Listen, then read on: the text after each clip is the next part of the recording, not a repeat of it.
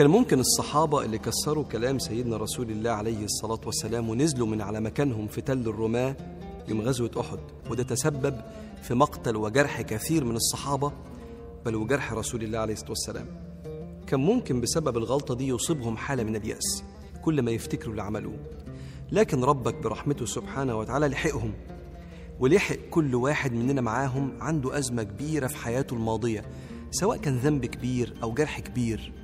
كل ما يفتكره ينغص عليه حياته ويضلم عليه مستقبله.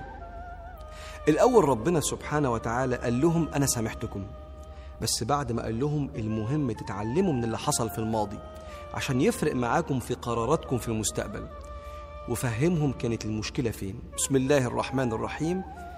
قرآن عن غزوة أحد. حتى إذا فشلتم وتنازعتم في الأمر وعصيتم.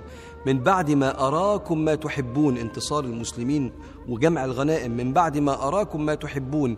منكم من يريد الدنيا. آه دي كانت المشكلة. منكم من يريد الدنيا ومنكم من يريد الآخرة. ثم صرفكم عنهم ليبتليكم. اطمنوا. ولقد عفى عنكم. والله ذو فضل على المؤمنين. وبعدين ربنا سبحانه وتعالى نصحهم إن حزنهم على الماضي ما يعمل لهمش وهن. يضعف من قدرتهم على مواصلة الحياة بطريقة سوية في المستقبل. وفهمهم إن اللي حصل ده علمهم كتير. فتعلموا بس بلاش يعلم فيكم علامة سلبية. فقال لهم ربنا سبحانه وتعالى ولا تهنوا ولا تحزنوا وأنتم الأعلون إن كنتم مؤمنين.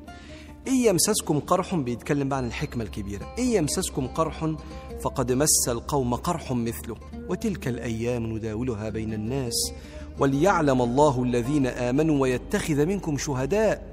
والله لا يحب الظالمين. يعني اللي حصل ده كان فيه برضه فوايد وليمحص الله الذين آمنوا ويمحق الكافرين. ربنا بيختبركم وبيرقيكم.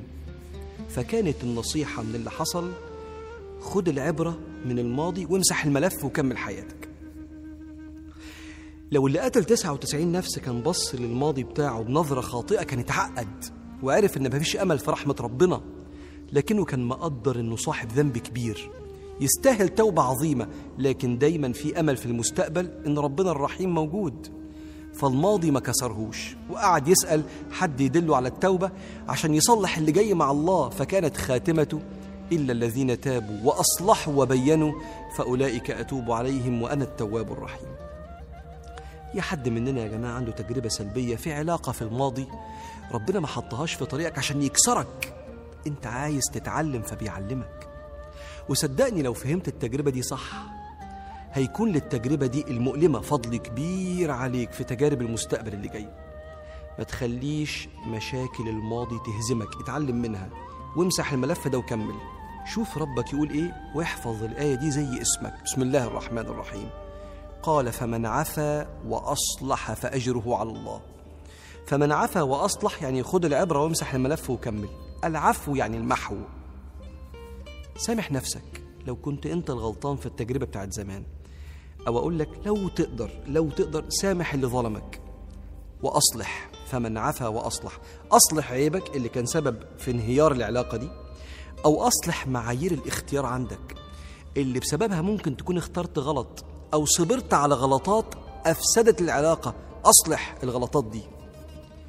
فمن عفا وأصلح فأجره على الله. ربنا يصلح لك المستقبل ما تخليش الماضي يكسرك. خد العبرة وامسح الملف وكمل. وده من تمام الرضا عن الله. إنك تشوف إن أنت كنت دايما في عناية الله حتى وسط المشاكل. وإن المشاكل دي كانت جزء من ثقل وخبرة شخصيتك دلوقتي. وده معنى دعاء سيدنا رسول الله الخير في يديك والشر ليس إليك. مفيش شر محض يا رب. كل حاجة مؤلمة كان جواها خير. دي أفعالك يا رب العالمين. فماضيك تتعلم منه تتعلم من التجربة وتمسح الملف وتكمل بسم الله. فاللهم علمنا من ماضينا وأعطنا في مستقبلنا حتى ترضينا.